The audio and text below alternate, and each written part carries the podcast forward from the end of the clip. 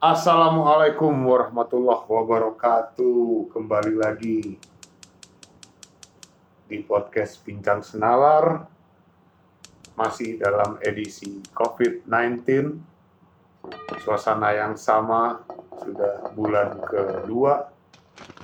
Masih mengandalkan koneksi internet untuk membuat konten podcast. Langsung saja, hari ini gue akan ngebahas konten bisnis lagi bersama teman dan sahabat gue yang lumayan lama gue kenal. Silakan langsung dikenalin aja. Halo, ini dengan Randi at HP underscore Randi Instagram. Gua sekarang bergerak di bidang kuliner Nusantara dengan basic fotografer. Oke, selamat malam Bung Randi. Sebenarnya, eh, gua dari awal membuat podcast tadinya nggak terlalu pengen podcast yang isinya teman-teman aja sih. Tapi setelah gue pikir, ya beberapa teman gue menjalankan kehidupan yang cukup unik.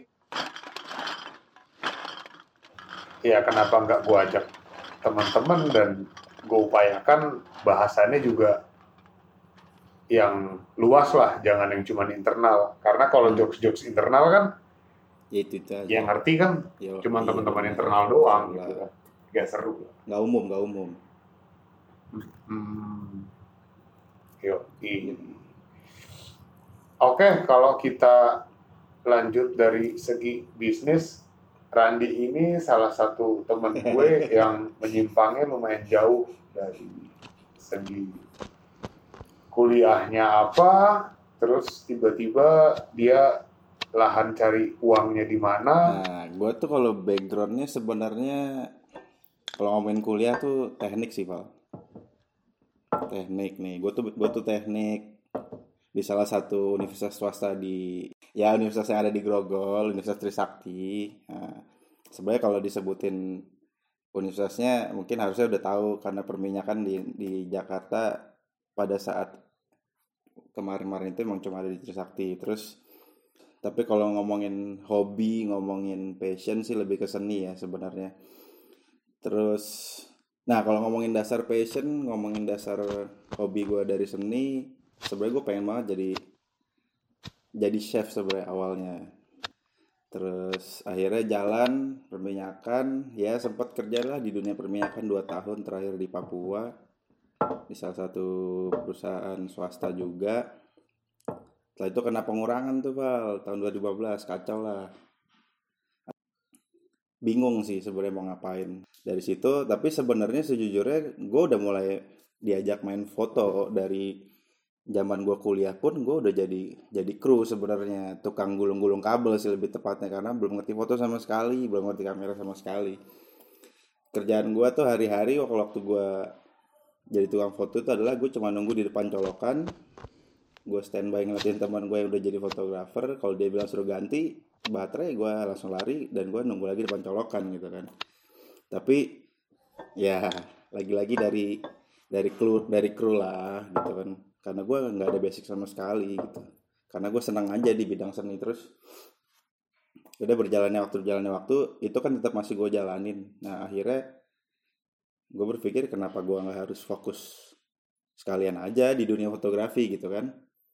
Ya akhirnya berjalannya waktu ya di mulai 2014 2015 itu mulai mendalami lebih mendalami. Nah pas banget kena pengurangan 2016 ya udah gue udah fokus di fotografi sampai sampai hari ini sih sebenarnya gitu kan. Nah datanglah tuh si pandemi koro-koro ini kan. Cus ya import langsung gitu kan. Nah udah tahu sendiri kan event semua di cut wedding semua di cancel untuk acara resepsinya. Apa pun bikin konten video TVC segala pun juga cancel semua gitu. Ya akhirnya gue mencoba kecil-kecilan si bisnis. Eh ayam ungkep sih sebenarnya. Ayam ungkep online lah. Sekarang apalagi yang bisa dilakuin selain online kan itu juga sebenarnya cita-cita gue dari dulu untuk buka suatu usaha makanan. Karena emang gue hobinya eh, terhadap makanan pecinta rasa. Dan ini udah berjalan satu bulan berarti. Udah berjalan satu bulan. Alhamdulillah respon positif. Ada yang repeat order ada yang repeat ordernya bisa jumlahnya dalam jumlah banyak gitu. Cuma up and down lah namanya sebuah bisnis yang baru. Gue juga belum tahu strategi itu yang baiknya gimana sih gitu kayak gitu sih Val sebenarnya Ya kalau kita bicara penjualan di bulan yang sekarang mungkin itu belum bisa dijadiin parameter ya karena ini Mm-mm. kan kondisinya sangat nggak normal ya. benar benar benar Masalah daya beli, terus masalah prioritas orang belanja juga. Hmm. Kalaupun masih ada kelas masyarakat yang masih punya daya beli, ya seberapa prioritas sih mereka jajan Iya, Kulineran lah sebenarnya juga gitu kan. sedikit bahayanya bukan bahaya, maksudnya sedikit khawatir gini kan setelah dinyatakan virus ini ada di mana-mana, orang sebenarnya jadi lebih takut untuk ngelakuin atau beli sesuatu di luar dari lingkungan dia sendiri gitu kan. Sebenarnya itu agak gambling juga sih, ya, soalnya kan apa orang mau beli dari eh, luar lingkungan dia yang datang dari luar terus datang terus dia konsumsi sendiri gitu kan. Sementara ini pandemi virus lagi kayaknya terbang di mana-mana gitu kan. Itu sebenarnya agak gambling juga kalau menurut gua gitu. Di mana-mana orang juga bilangnya kan kan tagarnya kan di rumah aja tuh. Jadi kan mereka mungkin bisa aja yang selama ini nggak pernah masak di rumah sendiri jadi sekarang ya udahlah biar sehat masak sendiri aja di rumah nggak usah beli-beli gitu kan. Itu lumayan gambling juga sih kalau sebenarnya. Kalau boleh gua tanya, lu juga posisinya kan pasti masalah tools, masalah knowledge, nggak di posisi steady juga kan, gitu pasti serba darurat kan. Oh jelas Val, maksudnya gini, eh, awal gue nyoba masak mungkin eh, cara masak gue udah bisa pelajarin deh dari itu sebenarnya resep dari nyokap gitu dari dari zaman gue kecil dan memang Ya hari-hari secara basic, basic lu Basic pasti itunya ada lah gua- rasio, rasio masak lu megang lah. Gitu. rahasia masak oke lah bisa gue tangani tapi ternyata banyak perintilan-perintilan kecil yang ini cukup ber- bikin keringet jagung juga ternyata Val. Maksudnya kayak pertama yang tadi gue bilang adalah ketika gue harus ngal- mengalami pengiriman jarak jauh di tengah pandemi kayak gini ternyata gue ngobrol sama orang pengiriman itu mereka nggak bisa janji untuk yang biasa dua hari tiga hari di misalnya contoh yang reguler mereka bisa janjiin bisa jadi lebih bisa seminggu katanya. Mm-mm. gitu kan? Lah gue harus putar otak lagi maksudnya gue kan produksi sambal dan sambal gue ini tanpa pengawet.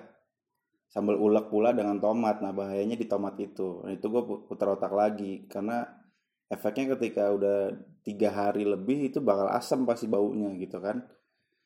Nah itu itu sebenarnya sampai hari ini gue belum bisa nemuin gue harus ngapain dengan itu. Tapi tadi teman teman gue kebetulan ada yang pesen di Palembang di Perumulih dia bilang ya udah lan bikinin gue sambel tapi nggak usah pakai tomat deh. Yang penting sambalnya nyampe aja dulu ke gue urusan itu urusan belakangan. Oke gue coba nih baru gue kirim hari ini tapi gue belum tanya lagi nanti ketika udah nyampe gitu. Terus kayak trik-trik packaging. Trik-trik packaging itu ternyata nggak nggak semudah itu juga gitu kan. Mungkin kalau packaging packaging umum misalnya ya bubble wrap segala macem oke gitu kan. Dan kebetulan sih eh, istri ikut bantu dalam hal kayak searching searching di YouTube searching di Google bahwa gimana sih packaging yang baik dengan sebuah sambal dengan sebuah ayam. Itu harus packaging seperti apa sih gitu. Nah kalau packaging ayam sendiri eh so far sih gue nggak ada kendala. Maksudnya eh, dua tahun lalu sebenarnya pernah mertua eh, puasa tuh di Jakarta itu bikin rendang kita jualin online juga. Nah di situ gue udah punya alat untuk vakum val.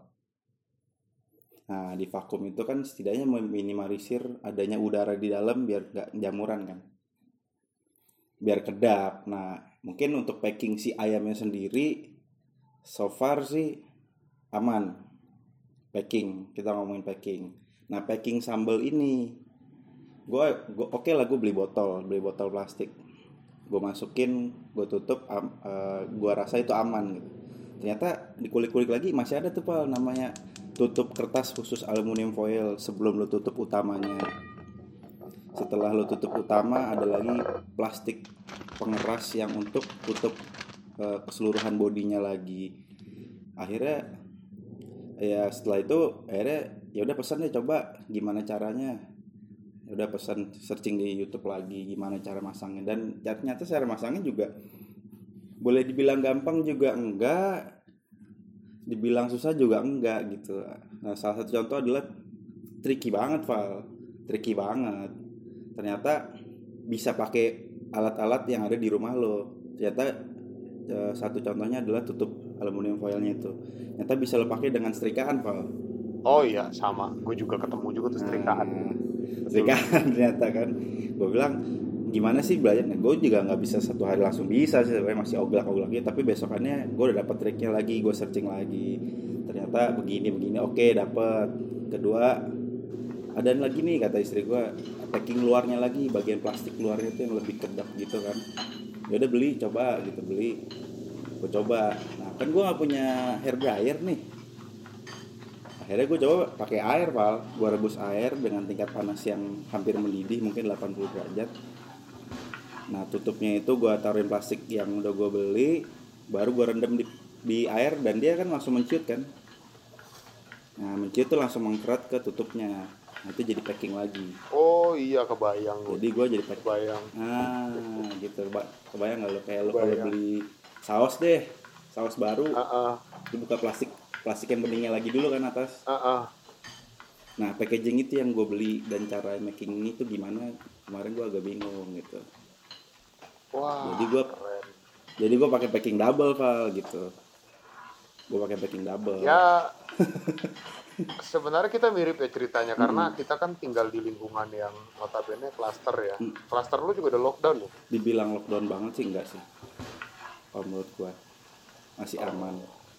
Soalnya gue terkendala kalau gue mau pakai Hmm. tambahan tenaga ya emang udah lockdown komplek gue nggak boleh masuk orang iya, keluar. Iya, iya, iya, iya, iya.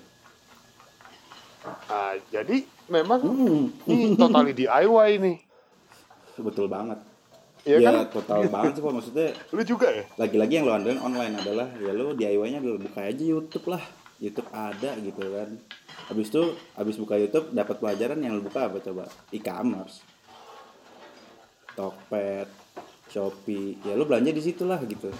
Pas itu buka ada semua dari yang harganya paling murah sampai paling mahal itu ada semua di situ kan. Lagi-lagi online lagi kan. Ini sebenarnya garis merahnya adalah online lagi kan. Setelah itu setelah itu nggak ada yang ngajarin sebenarnya. Setelah itu adalah ya lo harus berani coba sendiri. Iya. ya dong. Iya. Gimana gimana coba caranya kalau nggak bisa dicoba sendiri. Ya memang eh, mungkin yang belum bisa masuk perhitungan mana tuh kalau ngomongin keuntungan gue belum bisa ngitung terlalu. Kan orang bilang gini Val kalau orang jual makanan tuh bisa untungnya minimal 200% bro gitu kan. Atau enggak 100% gitu kan. Nah gue ini masih ngitung-ngitung gimana caranya bisa dapat yang orang bilang katanya itu udah standar udah umum kalau orang jual makanan tuh 200% lah gitu itu masih belum bisa gue masih belum dapat lah hitungannya Tapi minimal dengan kita kita jual makanan keuntungan pertama yang buat kita sendiri adalah kita nggak pernah kurang makan ya nggak sih? that's right Pali Bener nggak tuh? tapi ada tapi ada ada ada sentilan kedua setelah lo bilang gak kurang makan Val Apa tuh? lo mau makan itu ayam tiap hari gak bosan Ya, maksud gue bahannya kan Iya, lu iya, iya. kebeli juga gitu loh. Lu nikmatin Mm. juga sih bawangnya, terus Mm. material-material yang lain ya, ya pasti ada Nah, limpahan-limpahannya gue. gitu Kayak kan. gua kalau mau masak sayur yang lain ya limpahan bahannya itu masih Ah. ada gitu yang biasa gua masak ayam gitu kan maksud lo kan Hmm. iya Iya, bener kayak gitu.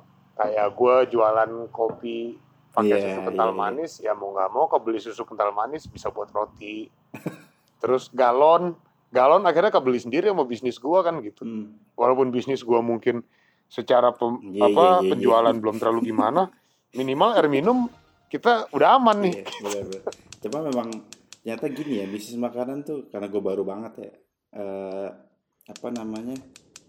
Lagi-lagi berhitung dengan eh, naik turunnya harga bahan pokok ya. Nah, gue juga ngerti nih hari-hari betul. Gue ngerti nih kalau hari biasa dengan hari Ramadan itu jatuhnya bahan pokok tuh jatuhnya lebih mahal apa lebih murah atau bisa setara aja atau cuma beberapa item aja yang naik gitu kan apalagi di tengah pandemi gini kayaknya nggak bisa ditebak gitu kan karena gue belanja beberapa kali hari ini segitu gitu bawang merah sekilo gitu kan. Tiga hari kemudian gue gue beli lagi sekilo lah naik seribu gitu kan. Naik dua ribu tapi tapi minggu depan gue bilang pas beli lagi turun lagi gitu. Nah sebenarnya gimana itu sebenarnya ngitung dari 200% dan keuntungan orang itu bingung juga. Mungkin kalau yang 200% gitu, ya marginnya ngebiayain tempat juga kali Ran. biayain tempat tuh gimana maksudnya Maksudnya kayak lu jualan di restoran yang AC-nya aja udah berapa biji. oh plus Iya. plus lainnya Keramik. Iya kan, keramiknya udah marmer, belum interiornya segala macem. Ya harga yang kita bayar sebenarnya ngebiayain itu Masuk akal semua, itu. iya nggak Iya- sih? iya juga sih ya lu kalau makan di mall gitu mahalnya kan kelewatan Iya, ya yang kita yang kita bayar itu bukan cuma makanannya doang, yang kita bayar ya termasuk brandingnya Iya, dia, pelayanannya interiornya kan dia bayar. gitu nggak sih? terus suasana kadang-kadang kan ada beberapa tempat suasana di, di dibayar dengan suasana kan kita ke sana ya mungkin beberapa tempat kopi zaman sekarang udah banyak kan yang kayak mau jual suasana mau jual Instagram banget lah mau yang begini gitu kan mungkin lebih harganya lebih ke sana kali. Kalau analisis gua sebenarnya bicara bikin bisnis kuliner, bisnis, bikin kuliner yang enak itu bukan gampang ya, tapi bisa gitu loh. Bukan bukan bukan hal yang nggak mungkin kita bikin produk yang enak. Tapi tantangannya adalah saat semua jadi masal, kita bisa tetap enak. Itu tuh yang susah kayaknya, Ran. Iya nggak sih? Ya memang eh ya tantangan benar-benar tantangan mak- jual makanan itu adalah kalau menurut gua tuh ya tentang rasa sih Val. Lu banyak nih di komplek lo atau depan komplek lo pecel lele pasti udah berapa biji kan? Tapi pasti lu udah beli misalnya lu sudah berlama-lama tinggal di situ lu udah pernah nyobain lima limanya pecel lele situ. Pasti lu bakal tahu yang mana yang enak dan lu bakal beli di situ gitu even semuanya pecel lele gitu. Semuanya dari Lamongan semuanya spanduknya sama hijau ada lambang lele sama ayam jago di pojok gitu kan. Lagi-lagi jual rasa. Kecuali nih ya nih gue pas gue kuliah nih gue temuin nih itu rasa kayak jadi nomor dua. Bicara apa tuh? Harga. bicara harga lagi-lagi mahasiswa. Kalau gue dulu di kampus gue yang gue bilang enak cuma satu atau dua paling. Dari sekian banyak eh, orang jual makanan di kampus dari depan sampai belakang tuh Val. lagi kalau gak tau ya pribadi nih ya maksudnya kalau ngomongin gue sebagai kata orang pecinta rasa gitu ya. Gue sih bukan pecinta makan Val tapi pecinta rasa gitu kan. Ya bisa gue bilang di kampus itu atau tempat-tempat kayak sekolah gitu lebih ngomongin harga sih Val jadi rasanya itu adalah harga bukan rasa itu dari si rasa sari makanannya bukan. Bener gak sih?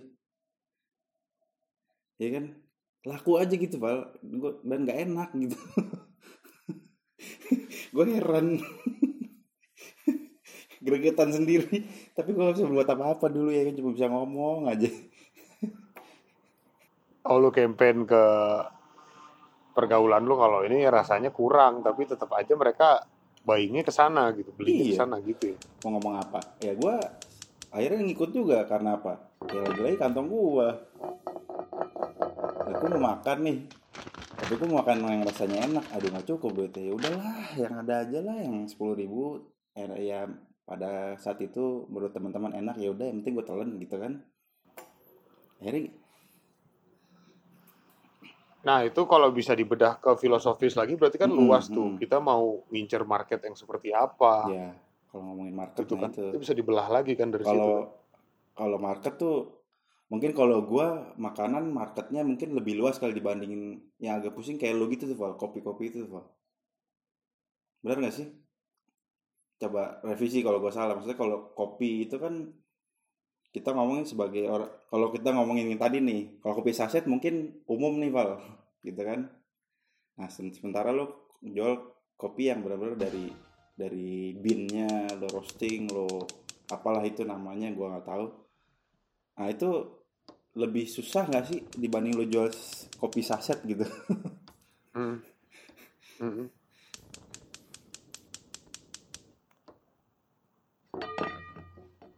Eh, mungkin ini ada hitung-hitungan yang sederhananya lah, hitung-hitungan lugu lah. Kayak gue jual beans gue yang 80 gram, eh 250 gram itu 80 ribu. Nah, 250 gram itu isinya Arabica Gayo grade A. Ah, ah, termasuk paling bagus lah. Mm-mm. Mm-mm. Ada dari segi metode metode panennya. Kalau gue masih semi wash, ada lagi full wash. oh ada lagi itu beda gitu. dua puluh ribu per kilo, jauh lagi tuh. nah, itu 250 Wah, gram anjir. itu berarti kan Anjir. satu sendok, let's say 10 gram gila emang kalau kopi itu Berarti ah sendok makan berarti katakanlah metodenya tubruk ya, kita hitung dengan tubruk. satu sendok iya benar kurang Berarti Sendok ya? dapat 25 gelas Rani. ya Ah, ah, lu beli beans gue yang 80 ribu dapat 25 gelas. Berarti 80 ribu dapat Dalam 25 dua- gelas kan? 250 gram Ah, ah, let's say 80 bagi 25 kena berapa tuh? oke ya betul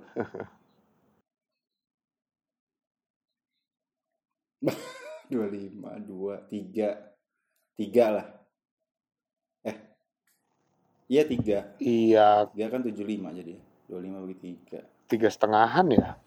Ntar ada, Ya, ada, kal- ada tiga kalkulator nih. setengah. tiga setengah Kalkulator yoi kalkulator kang sayur 25.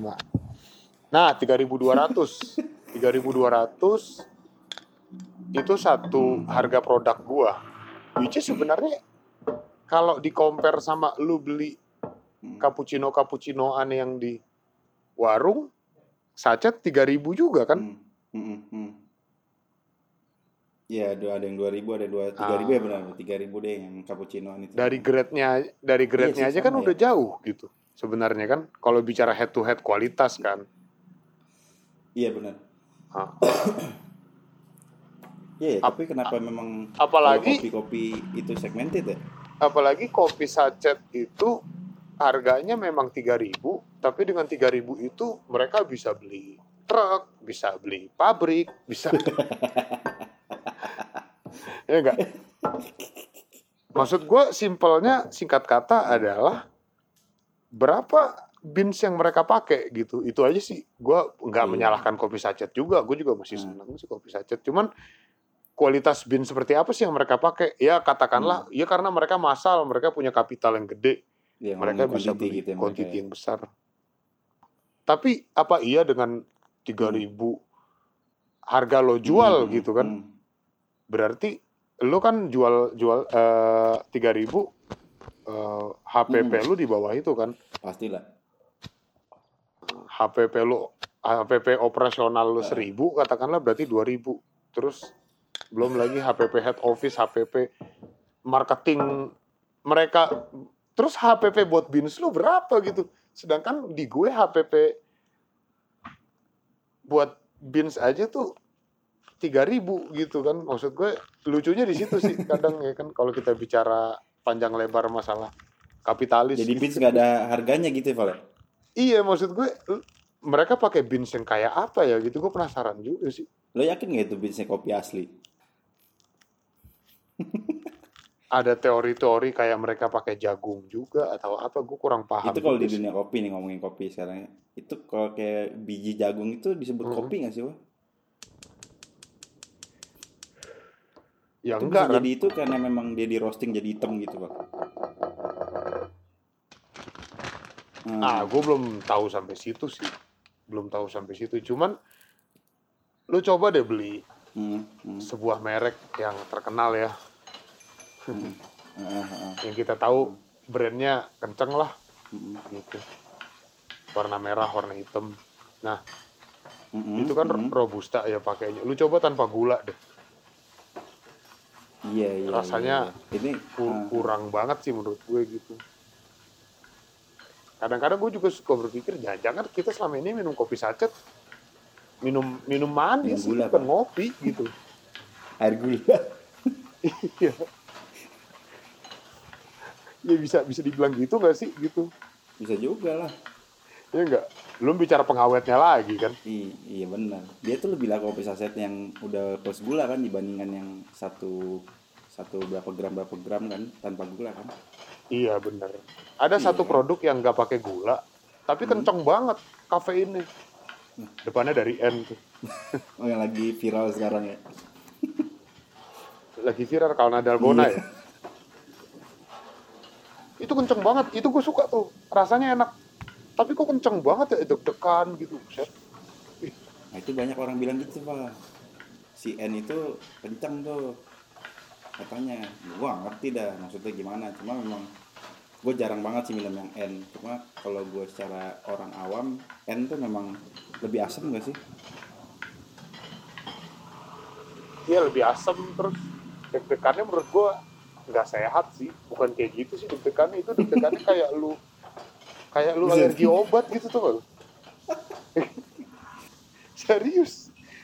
Udah gitu temen gue pernah ran. Karena volume si N itu kecil kan per sachet. Pas dia tuang cuma segini. Didabelin dong sama dia. Cakep. didabelin. Terus cangkirnya sosok cangkir kecil espresso gitu. Anjay. udah aja deh bad trip dah udah Anjing.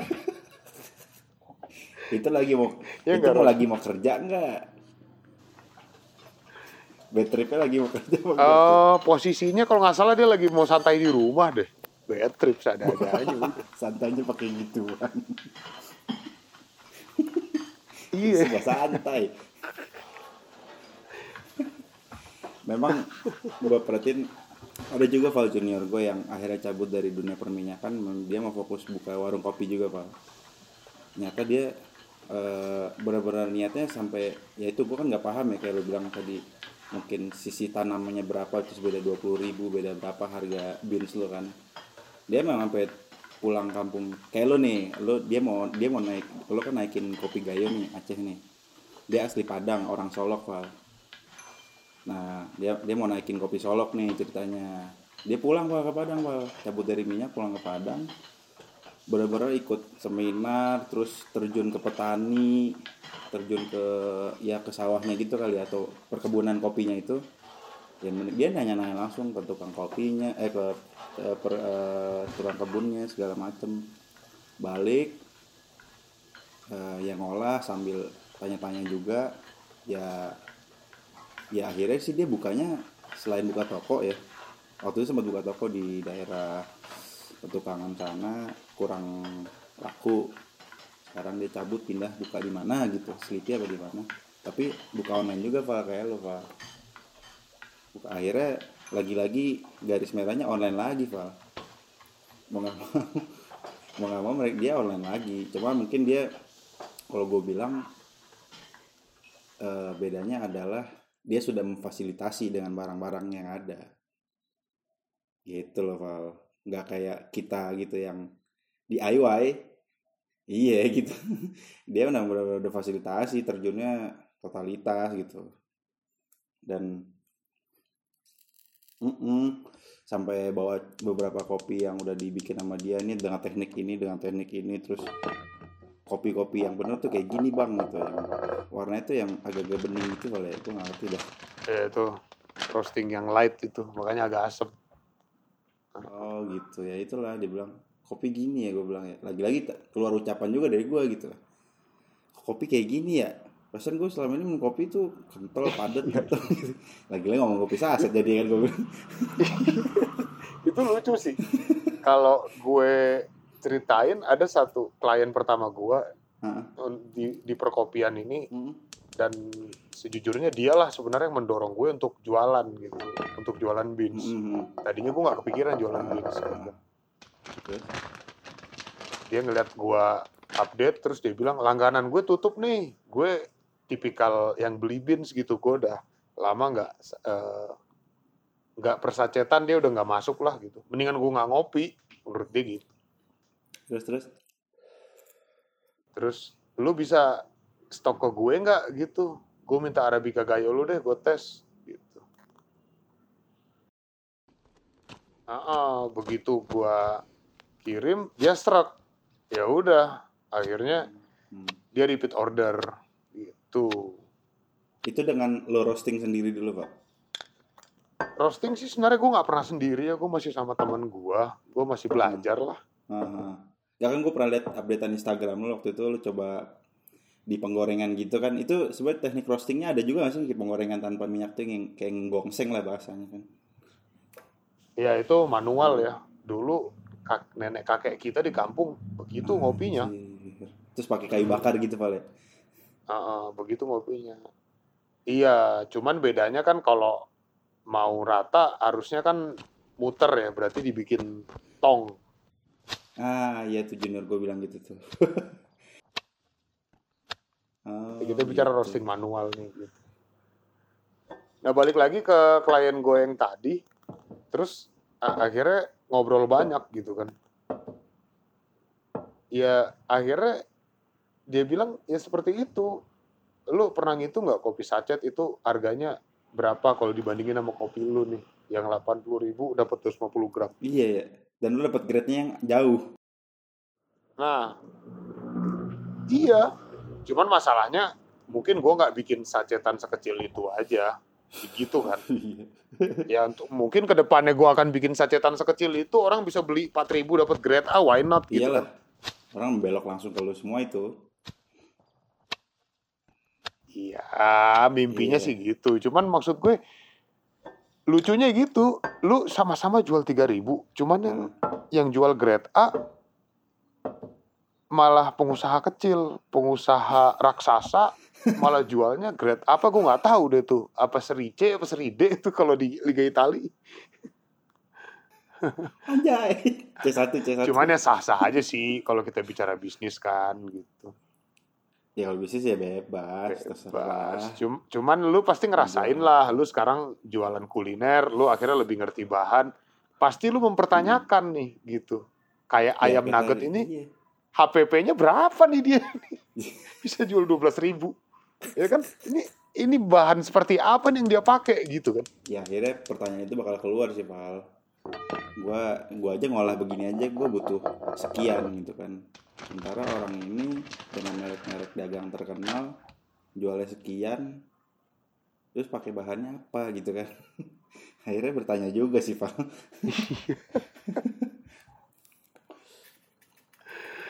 iya mungkin ada trik perkimiaan Iya, atau apa. kendala mungkin kendala gue kalau ngomongin balik ke gue ya itu sebenarnya banyak juga sih Val kendala. Beberapa bahan. Mungkin orang ngungkap ayam semua bisa sih Val. Kayak lo bilang semua pasti bisa lah gitu. Cuma kan ada beberapa bahan baku yang gue pakai. Kayak contohnya gue ngungkap tuh pakai air kelapa. Nah air kelapa itu di beberapa tempat Val. Itu dibuang Val. Kalau ke tukang kelapa. Itu dibuang. Kita nggak bukan ngomongin tukang es kelapa ya beda ya. Tukang kelapa tua yang di pasar ya. Itu dibuang. Kelapa parut iya ya? kelapa parut. Itu dibuang nah itu sebenarnya gak ada harganya. Tapi ketika kita nyari jadi jadi ada harga Val. jadi ada harga. Iya. Oh karena gitu. beberapa kali gue beli mas ini boleh nggak saya pesen air kelapanya ketika orang beli jangan dibuang ya gitu. Bolehlah tiga tiga kelapa besok saya ambil gitu. Ya udah pas gue besok balik berapa mas? Waduh berapa ya? Eh ya udah deh lima ribu deh gitu dia bilang itu sebenarnya selama ini dia buang dan nggak ada harganya gitu Val bahkan jual satu kelapa aja tuh delapan ribu udah diparut ini limbahnya sebenarnya kan Nah ini biasanya ini airnya dibuang loh. Jatuhnya ya memang nggak pernah dipakai beberapa orang. Beberapa orang yang jarang make eh, ungkep sesuatu dengan air kelapa gitu. oh Jarang banget dan pasti dibuang dan apalagi kendalanya ketika gue pindah ke rumah sini Val tukang sayur yang mepet-mepet di depan itu banyak sebenarnya Ah. yang jual kelapa. Cuma gue bilang minta air kelapanya doang. Dia nggak mau kalau nggak buka kelapanya sekalian di di di di parut. Minimum order itu namanya. Iya kan bahasa ya lo kalau mau air kelapa ya lo beli kelapa kelapanya doang sama gue masa udah gue buka terus lo beli air doang kelapanya lo biarin gitu aja. Orang juga nggak ada yang mau beli lagi kalau air kalau kelapa udah dibuka gitu kan alasan dia jadi kayak ada kendala-kendala kayak gitu. Jadi gue sempat agak ke mana agak agak bukan kelimpungan sih. Agak susah kemarin. Jadi ada eh, triknya gue adalah misalnya eh, tiga ekor itu bisa gue pakai tiga kelapa atau dua kelapa. Kemarin gue cuma dapat satu kelapa nih Val. Ya akhirnya mau nggak mau gue campur air. Tapi gue harus beraniin main bumbu. Nyari rasio lagi ya. Ya itu mah gue juga sama lah Ran. Sama jadi banyak catatan lah di rumah kan? Iya. gue jadi keliling Val dari ujung jalan sana ke ujung jalan sana setiap itu gue bilangin buat buat pak boleh nggak sih? Gue nggak bisa mas nggak bisa nggak bisa. Akhirnya gue ada nemu satu tukang kelapa yang mau kayak gituin. Tapi ya begitu modelannya. Mau mau dijual mau enggak modelnya nggak nggak nggak nggak sopan gitu mas. Ya udah nggak nggak ada gitu. Nggak ada nggak ada gitu. jadi males juga akhirnya mau nggak mau gue gue ket- mulai ketemu solusi ini tengah-tengah nih. Depan komplek nih ada tukang sayur. Hari ini gue bilang bu kalau belanja kan dia belanja ke pasar tradisional. Saya titip ya air kelapa. Lima kelapa aja. Gitu. tiap eh, tiap saya pesen gitu kan. Nah ya udah tuh mulai situ mulai dapet tuh selaknya gitu. Tapi ya paling ya lebihnya ya di harganya jadi ya tadi gue bilang air kelapa nggak ada harganya. Ketika gue minta tolong orang harus ada ongkos dia jalan ke sana segala macam menjadi satu kelapa di harga dua ribu.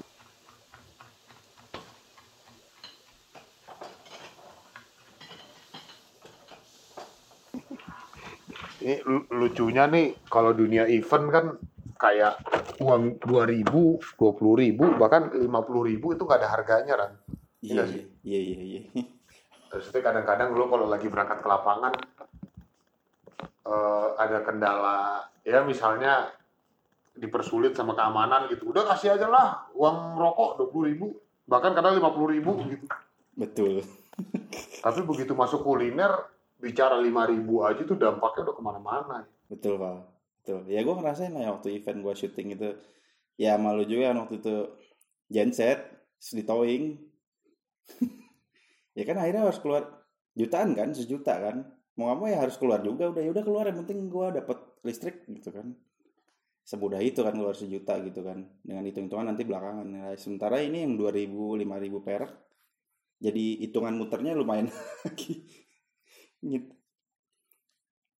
Aneh gak sih? Iya itu lucu sih, Anjing, itu lucu sih. Teorinya dari mana tuh ya? Kita jadi jadi detail banget soal seribu dua ribu itu kita hitung banget ya. Iya ternyata kayak gitu ya. Aduh, gue juga bingung tuh gimana ceritanya.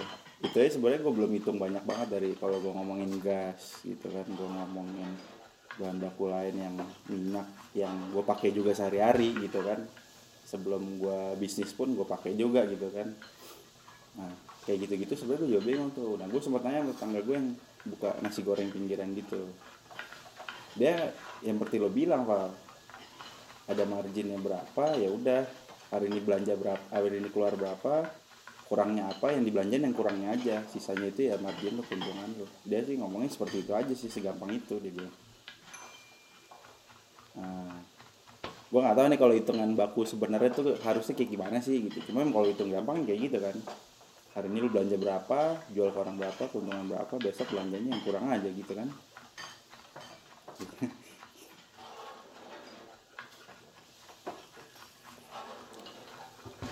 Gue lihat orderan lu sudah menjangkau berbagai daerah ya, bukan cuma Jakarta ya. Bahkan lu kemarin cerita udah nyampe Bandung, pengiriman same day itu Hmm. ada juga ekspedisi yang main seperti itu ya.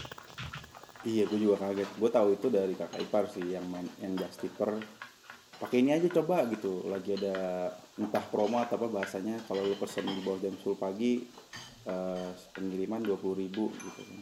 gue pikir tuh awalnya sejenis ojol pak ternyata pas datang gue ajak ngobrol enggak mas jadi kita bawa dulu ke pusat baru pusat yang bawain ke klien dan bagusnya mereka packingin dulu di di di peng, peng, pengumpulnya itu dan gue bilang wih berani juga dan gue agak takut kemarin pas berkirim ke Bandung. Waduh gue bilang. Waktu awal-awal ya karena lagi-lagi kalau awal-awal kan ngeri sendiri ya. Ini makanan kita nih awet nggak sih gitu kan? Boleh ke Bandung bisa nyampe nya besok gitu kan. Ternyata diambil jam 10 pagi Val. Jam 8 malam udah nyampe Bandung gue heran. Gue ini di Depok ya gue gue ini bukan di Antapani menuju Pasteur doang bukan gue ZMD nih gue Iya dia udah difotoin dia kan mereka langsung update gitu biasa kayak kayak online gitu. Nih dia udah fotoin di depan rumah orangnya bahwa jam 8 ini udah nyampe. Lah gue bilang waduh. Terus gue nanya kan Enggak gue bingung nggak udah nyampe istri gue ini kok packingnya kayak gini? Kan kita tadi nggak packing gini. Ternyata mereka ada standarnya kayak freezer makanan-makanan frozen food gitu. Dia bakal packingin lagi di sana Pak. Tanpa diminta biaya lagi.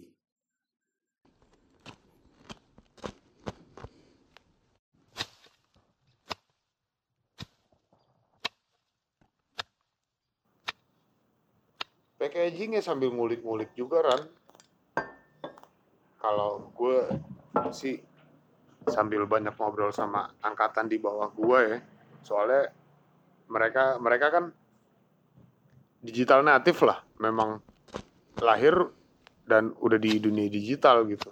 Kalau kita bicara di online mereka jauh lebih jago gitu kan. Uh, pas gue kulik-kulik packagingnya justru mereka jauh lebih simpel gitu. Kayak cuman stiker gitu doang tempel. Tapi gimana caranya kena gitu kan antar colornya. Uh, terus kayak metode brandingnya di platform-platform yang kita mainin kayak Instagram WhatsApp status gitu. Kan habit-habit kita soal wording soal sinematografik segala macam ya itu ngaruh juga gitu. Ya gue coba belajar ke situ lah. Kadang-kadang oh gitu. kadang-kadang konten pat- pat- yang tapi patut coba tuh terlalu well execute gitu malah punya estetik sendiri nggak sih? Malah kadang ngedorong orang pengen beli ya nggak sih? Iya. Hebat ya iya. Maksudnya kadang dengan kata-kata kita yang kampungan orang malah bilang wah ini apa otentik nih gitu. Kan sah-sah aja kan. Kalau kita terlalu template banget gitu ya ini mah admin nih gitu Yang kan. bagus gitu. Tapi menurut gua yang penting lo enak dilihat aja deh udah gitu. Nggak mesti terlalu terlalu fotografi banget terlalu videografi banget gitu Jadi ngomong-ngomong soal lingkungan, gue kepikiran gini sih Ran semenjak gue mulai packing plastik gue makin brutal aja nih gitu kan. Cuman kalau nggak didobelin kita takut bocor kan. Akhirnya gue campaign yang simpel-simpel aja deh. Gue campaign minimal plastik yang dari gue, lu jangan langsung buang deh. Lu tampung lagi, ntar bisa lu pakai buat yang lain. Minimal dia nggak beli plastik lagi kan gitu. bisa pakai bisa dua kali lah ya Iya, karena setelah gue perhatiin limbah-limbah gue itu bisa dipakai gitu. Bisa dua kali lah minimal kayak plastik-plastik itu ditampung lagi nanti mau buang sampah pakai plastik yang itu. Terus botol-botolnya itu bisa buat nyimpen ya merica atau apa lu lu pakai air panas dulu gitu kan lumayan kan selain hemat kos juga lumayan Hmm. neken sampah juga pelan-pelan gitu kan. Hmm. Iya sih. Nah itu pas lo ngomong ini gue jadi mikir juga gue kendala gue satu lagi itu tuh. Kalau ngomongin packing utama gue pakai vakum berarti kan gue harus pakai plastik tuh pak. Ayam-ayam gue segala macem. Nah itu gue belum ketemu tuh solusinya tuh. Pasti kan itu pasti dibuang pak plastiknya kalau gue tuh. Mereka habis pakai. Ya dong, karena udah bekas bumbu segala macem nggak bisa dipakai tuh plastik vakumnya. Buat apa juga gitu kan. Nah itu tuh gue belum ketemu tuh. Paling yang gue ketemu adalah ketika gue kirim by ojol same day gitu kan gue dari plastik packing vakum gue taruh di tempat kayak tupperware kue gitu Val. Baru gue labelin atasnya lagi. Dari situ baru gue taruh di plastik lagi awalnya plastik berapa tapi berapa plastik tuh ya? setelah Satu itu- packaging berapa plastik? banyak banyak kan tuh Ah, ah. nah, akhirnya gue kurangin dengan gue beli goodie bag di bag. goodie bag itu sebenarnya reuse banget kan reuse, reusable banget kan nah jadi setiap klien eh, customer gue yang gue beli pasti ojol itu bawanya dengan goodie bag Pal- paling gue bisa kurangin dengan itu Gak bisa muluk-muluk ngomong kanan kiri kalau kita juga belum mulai kan. Sih?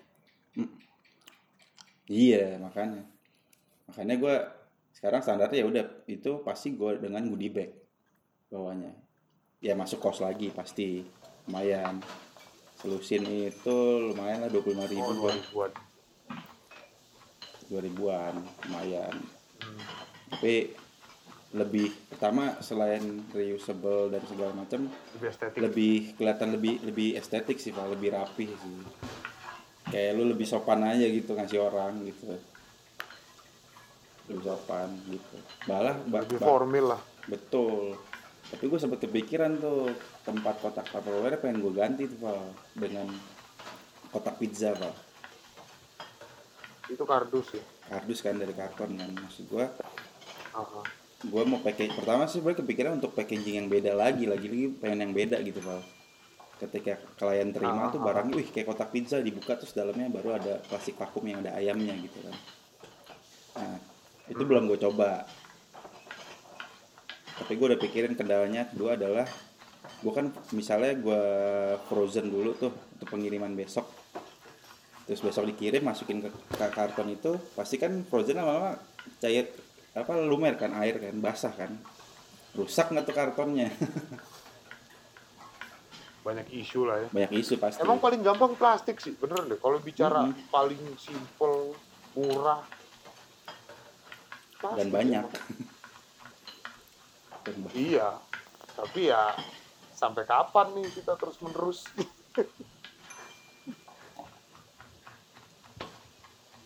Emang tadinya gue skeptikal banget sih Ran soal isu-isu sampah plastik ini gue bilang ini apaan lah di sini gorengan nih gitu kan. Tapi gue pernah dapat job event di acara Joyland. Waktu itu festival internasional lah musik-musik kekinian lah. Indie pop dan segala macam terus panahan jadi depan TVRI nah situ ada lapangan panahan yang hijau banget kan rumputnya. Nah, ah, nah gue loading hamin satu gue mikirin kan anjir nih hijau begini sayang banget ya kalau festival musik lu tau lah isinya puntung rokok sama botol plastik kan? Pas hari H eventnya ternyata ruangan smoking room itu dibedain Ran. Gue tadinya awal-awal juga ya elah nih apaan sih? Sok-sok sok-sokan lingkungan hidup buat jibik doang gitu kan. Tapi iya pas konser berasa juga sih nggak ada botol plastik bertebaran nggak ada puntung rokok nggak ada asap rokok. Enak juga ya ternyata gitu Widih.